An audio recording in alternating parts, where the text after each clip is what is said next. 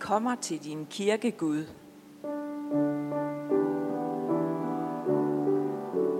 Og finder døren åben.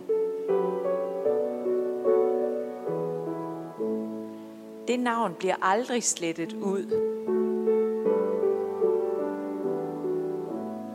Vi fik hos dig i dåben.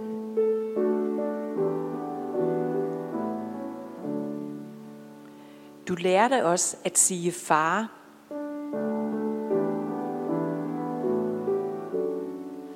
Til dig, da vi var spæde. Du sagde, i disse små jeg har, min allerstørste glæde.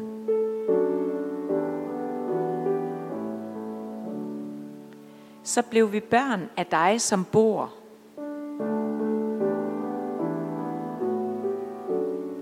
På jorden og i himlen.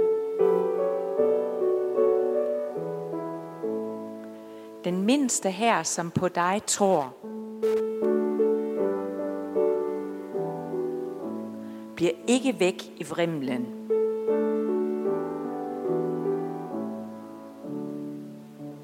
O Herre, hvor skal vi gå hen?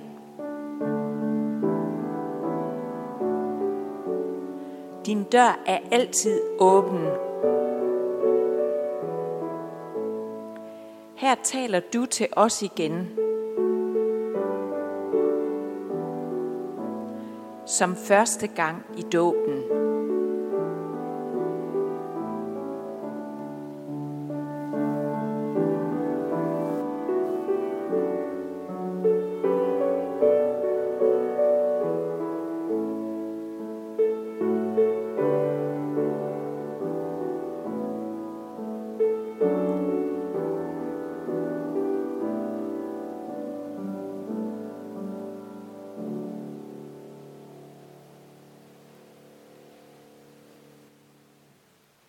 Nåde være med jer, fred fra Gud vor Far og Herren Jesus Kristus. Hvor skal vi gå hen? Din dør er altid åben. Det er dejligt, at vi på trods af alt får lov til at samles i kirken. Og vi skal høre i dag om kirken som Guds hus, min fars hus, som Jesus sagde. To fantastiske tekster fra salme 84 og fra Lukas 2, hvor vi netop hører om det der med, hvad det er, Guds hus betyder, og hvad der, hvordan det er, vi skal opleve Guds hus i vores liv. Så velkommen til en kort gudstjeneste her i Hedensted Valgmenighed. Vi vil bede sammen.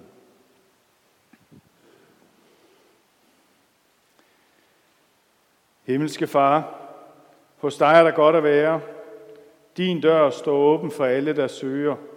Alle os, der ikke ved, hvor vi ellers skulle vende os hen – hos dig har vi hjemme, og vi beder dig, tal, nu, tal til os nu, for vi søger din velsignelse. Lad din ånd fylde dette hus med liv, så vi kan vende hjem klogere og kærligere, end vi kom. Lad Helligånden overbevise os om, at Jesus Kristus er din elskede søn, og vi er dine elskede børn, og at din kærlighed varer fra evighed og til evighed. Amen. Og så vil vi rejse os og høre den tekstlæsningen og også have trosbekendelsen, men uden øh, at I, tager, I siger med på den. Og det samme gælder, når vi kommer til fader vor til sidst. Ja, vi skal høre salme 84. Hvor er din bolig vidunderlig, herskares herre. Min sjæl fortæres af længsel efter Herrens forgård. Mit hjerte og min krop råber efter den levende Gud.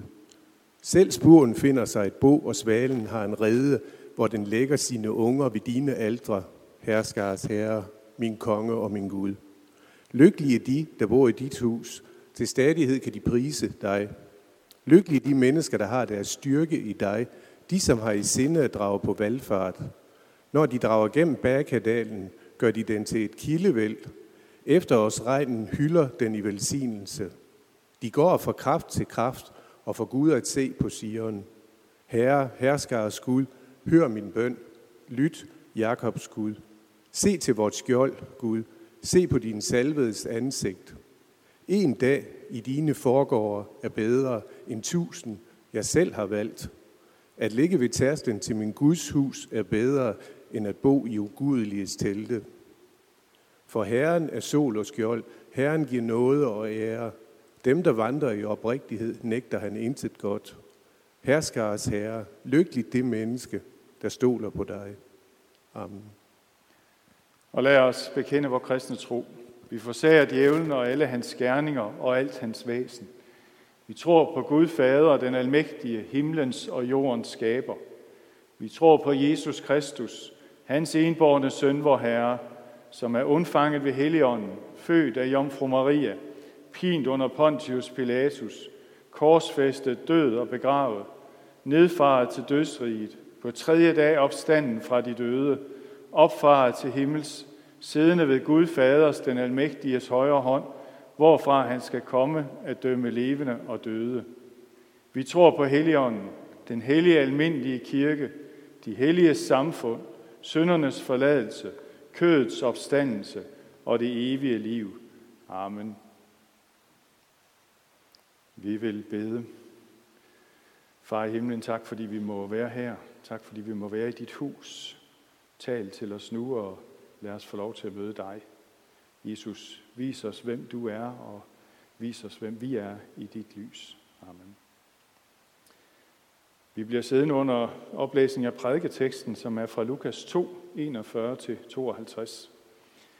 Hvert år tog Jesu forældre til Jerusalem til påskefesten. Også da han var blevet 12 år, drog de derop, som det var skik ved festen. Da påskedagene var omme, og de skulle hjem, blev drengen Jesus i Jerusalem, uden at hans forældre vidste det. I den tro, at han var i rejsefølget, kom de en dags rejse frem og ledte efter ham blandt familie og bekendte. Da de ikke fandt ham, vendte de tilbage til Jerusalem for at lede efter ham der. Og efter tre dage fandt de ham i templet, hvor han sad midt i blandt lærerne, lyttede til dem og stillede dem spørgsmål. Alle, der hørte det, undrede sig meget over hans indsigt og de svar, han gav. Da forældrene fik øje på ham, blev de slået af forundring, og hans mor sagde til ham, Barn, hvorfor gjorde du sådan imod os? Din far og jeg har let efter dig og været ængstlige. Men han sagde til dem, Hvorfor ledte I efter mig? Vidste I ikke, at jeg bør være hos min far? Men de forstod ikke, hvad han sagde til dem. Så fulgte han med dem tilbage til Nazareth, og han var lydig mod dem. Hans mor gemte alle ordene i sit hjerte.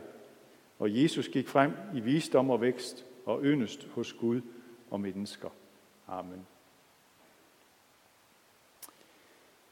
Ja, det er, som jeg også skrev i, i, vores, i nyhedsbrevet, på grænsen til det absurde, at vi i dag holder gudstjeneste i Guds hus, og kun må samles nogle få for at overholde de seneste coronarestriktioner. Og så samtidig skal vi høre om Jesus, der siger, selvfølgelig er jeg da i min fars hus. Hvor skulle jeg ellers være?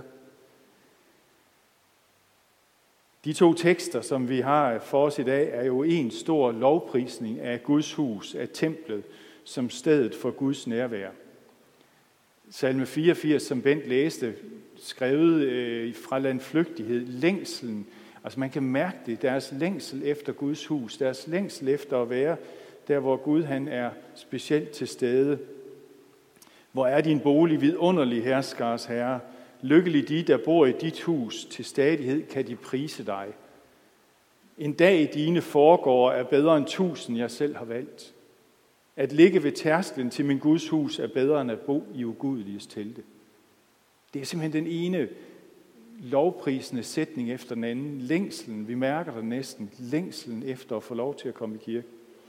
Jeg ved ikke, om, om vi har det helt så stærkt med at komme i kirke og kunne samles alle sammen, men, men et eller andet sted er der lidt af det.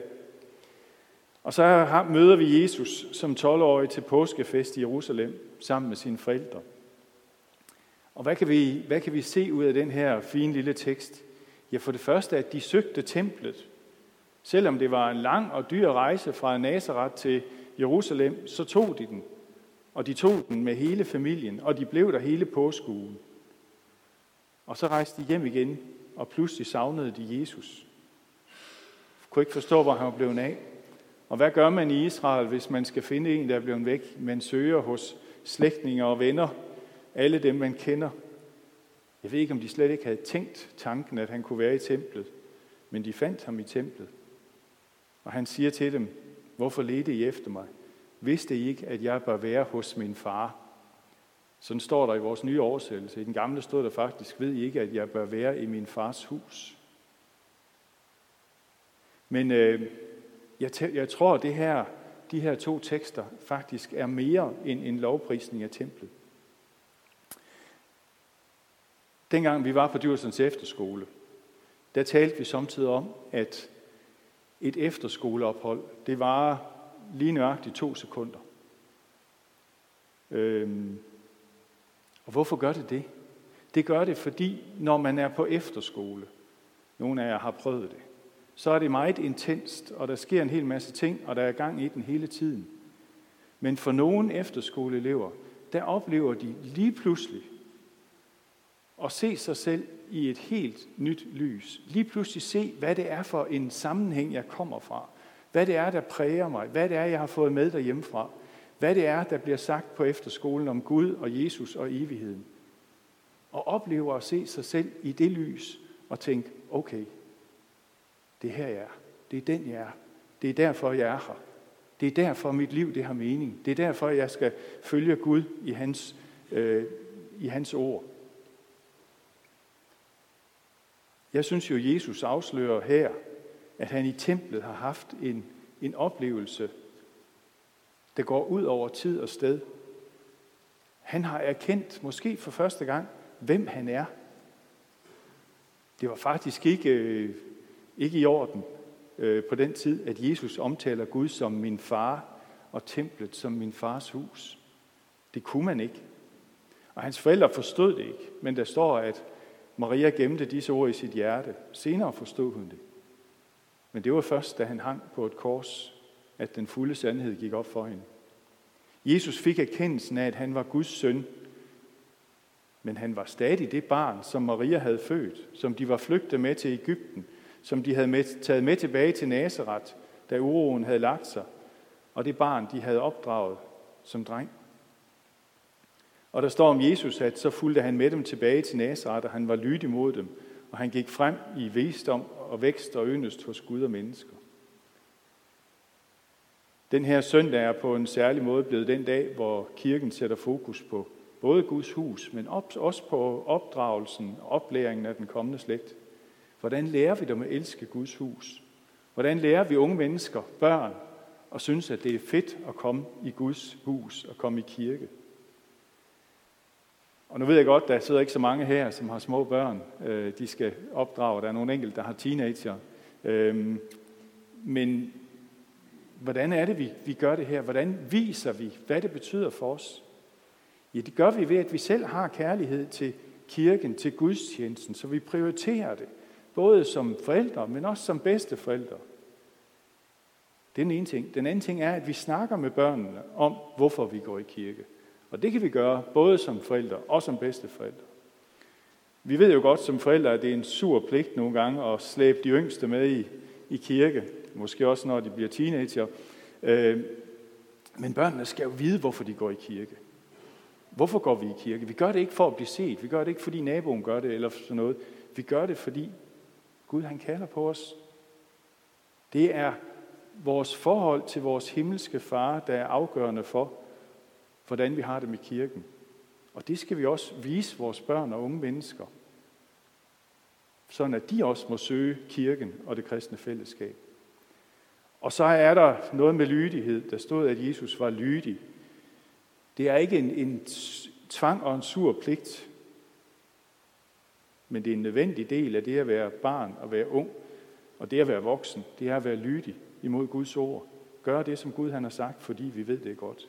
Ikke nemt, men nødvendigt. Og så må vi jo spørge, jamen er det kirkerummet her, Hedensted Kirke, der er afgørende for, om jeg er i min fars hus? Nej, kirken er, hvor de kristne er. Templet er ikke mere i Jerusalem, så de kristne må samles andre steder. Vi er velsignet ved at have en tusindårig kirkehistorie, og vi har de her bygninger, der fortæller om generationer, der har søgt Guds hus før os. Men kirken er, hvor to eller tre er forsamlet i Jesu navn. Derfor er det ikke vigtigt, om det er i hjemmet, i missionshuset, i kirkerummet, vi samles. Det vigtige er, at vi møder vores far i ordet og i sakramenterne og i det kristne fællesskab. Vi er velsignet med at have vores fars hus lige her. Så lad os gøre brug af det. Lad os få lov til at møde ham, måske for vores to sekunder. Og lad os mødes igen, især når coronaen er forduftet, og vi igen kan samles frit. Amen. Nu vil vi bede sammen, øh, og det vil vi gøre på den måde, som vi også gjorde sidste søndag, at, at øh, menigheden, øh, at der er to, der beder op ved alderskranken, og, øh, og så efter bønden, så bliver der stille musik. Lisette spiller også noget nu lige her, så man lige kan sidde og grunde over de her ting, der er blevet sagt. Og så når vi har bedt, så bliver der også lige stillhed et øjeblik, inden vi slutter gudstjenesten af.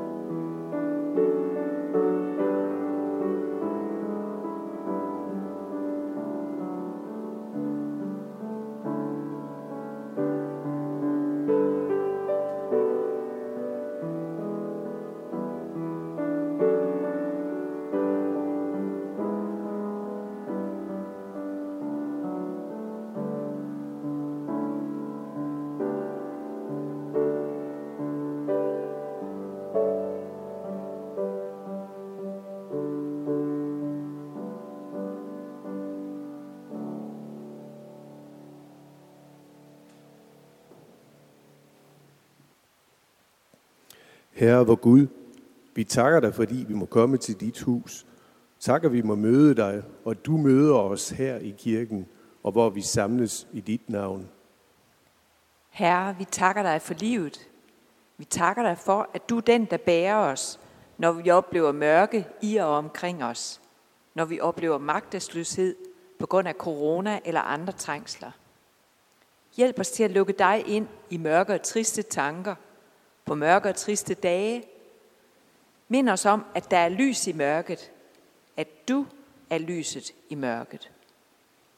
Herre, vi beder dig for hele verden, for alle de lande, hvor der er krig og ufred, for lande med sult og nød, og lande med korruption og mistænksomhed, og for lande, der er præget af naturkatastrofer. Herre, du har skabt hele verden. Vi lægger den i dine hænder. Vi beder for de forfulgte kristne overalt, hvor de er i verden. Herre, du kender hver eneste af dine børn og dine menigheder. Vi beder om din nåde og barmhjertighed. Vær lyset i deres mørke. Herre, vi vil minde dig om Michael i Honduras, og om Marita Aurora, der er på vej til Peru. Lad dem bære lyset frem, og vær du selv deres lys. Herre, så vi lægge vores eget land i dine hænder. Vær hos regeringen, hos kongehuset, hos vores lokale politikere. Vær hos alle med ansvar, og lær dem at forvalte deres ansvar, så også de svage og de sårbare i vores samfund får det bedst muligt. Vær hos vores sundhedspersonale og giv dem både håb, kræfter og udholdenhed. Her lær os alle at forvalte vores ansvar – Lad os at dele dine gaver med hinanden. Lad os at elske hinanden. Lad os at være lys for hinanden. Fyld du os med dit liv, lys. Ja, vær du vort lys. Amen.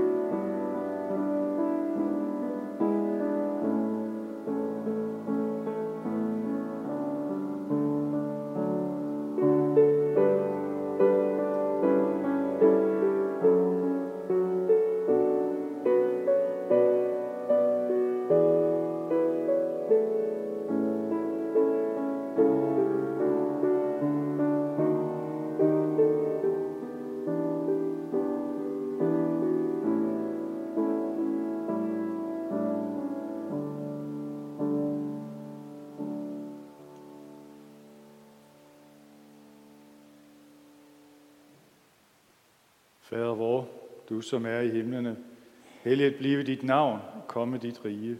Ske din vilje som i himlen, således også på jorden. Giv os i dag vores daglige brød, og forlad os vores skyld, som også vi forlader vores skyldnere.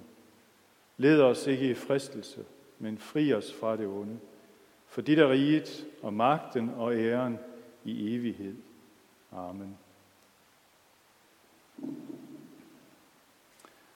Lad os rejse os og modtage Herrens velsignelse. Herren velsigne dig og bevare dig. Herren lad sit ansigt lyse over dig og være dig nådig. Herren løfte sit åsyn på dig og give dig fred. Amen. I Jesu navn. Amen.